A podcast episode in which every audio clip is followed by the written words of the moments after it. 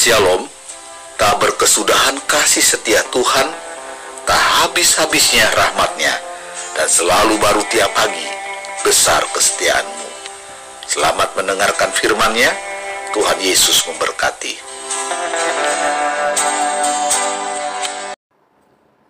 Salam. Apa kabar Bapak Ibu Saudara semua yang dikasih oleh Tuhan? Sahabat podcast, kembali saya Pendeta Samuel akan sharing kebenaran firman Tuhan yang saya ambil di dalam Lukas 6 ayat yang ke-29. Demikianlah kebenaran firman Tuhan itu Barang siapa menampar pipimu yang satu, berikanlah juga kepadanya pipimu yang lain. Dan barang siapa yang mengambil jubahmu, biarkanlah juga ia mengambil bajumu. Tema pagi hari ini saya beri judul Lembutkan Hatimu. Bapak, ibu, saudaraku yang dikasihi oleh Tuhan, di dalam ayat yang baru saja saya bacakan tadi, Tuhan Yesus hendak mengajar kepada setiap kita tentang kualitas hidup kekristenan. Hidup kekristenan kita harus berbeda dari orang-orang di dalam dunia ini karena kekristenan memiliki standar hidup yang luar biasa, di antaranya kelembutan hati.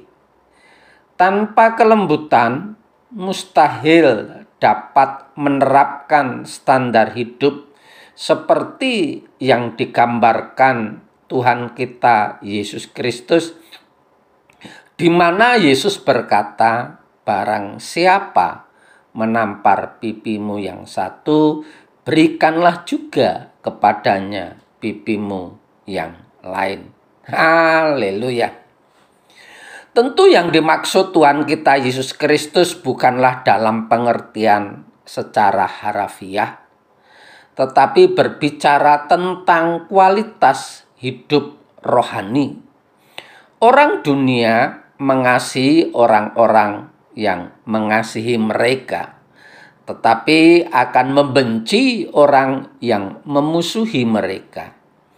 Namun, kita sebagai anak-anak Tuhan, kita sebagai umat tebusan Allah, tetap mengasihi orang yang berbuat baik kepada kita, tapi juga tetap mengasihi sekalipun mereka itu menyakiti atau memusuhi kita. Hal yang luar biasa di balik kelembutan hati, tiga hal yang ingin saya sampaikan. Yang pertama, kelembutan hati itu memampukan mentaati firman Tuhan. Mustahil bagi orang yang sombong dapat mentaati firman Tuhan karena seorang yang sombong tidak mau hidup dalam aturan. Justru sebaliknya, akan suka mengatur, memerintah, bahkan menekan orang lain. Namun, seorang yang lembut hatinya pasti seorang yang rendah hati dan mau setia mentaati firman Tuhan, sekalipun berat untuk dilakukan. Sekalipun banyak tantangan dan rintangan saat melakukan firman Tuhan, namun orang yang lembut hati pasti akan belajar untuk mentaati. Yang kedua, kelembutan hati adalah karakter yang dikehendaki Tuhan.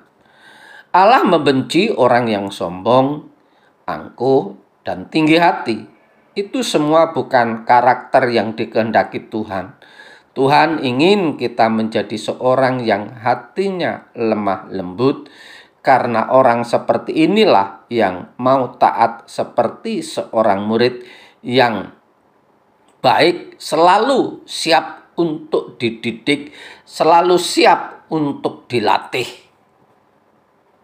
Sedangkan yang ketiga, di balik perintah untuk kelembutan hati Tuhan menghendaki agar kita itu mengampuni. Ketika orang menyakiti kita, mari kita belajar untuk menguatkan hati untuk bisa mengampuninya. Bukankah Yesus juga berkata, "Ya Bapa, ampunilah mereka, sebab mereka tidak tahu apa yang mereka perbuat. Yesus melihat persoalan ini dari sisi positif. Untuk itu kita pun hendaknya sama seperti Yesus atau belajar dari Yesus sehingga kita mampu memahami dan menyikapi dengan benar persoalan yang tengah kita hadapi. Kelembutan hati merupakan salah satu ciri khas hidup kekristenan. Oleh karena itu, seorang yang lembut hati akan hidup dalam damai sejahtera, karena kelembutan hati membuat kita dapat hidup dalam kehendak Tuhan, mentaati firman-Nya, dan setia serta mampu mengampuni orang yang bersalah kepada kita. Selamat beraktivitas. Tuhan Yesus memberkati, tetap semangat.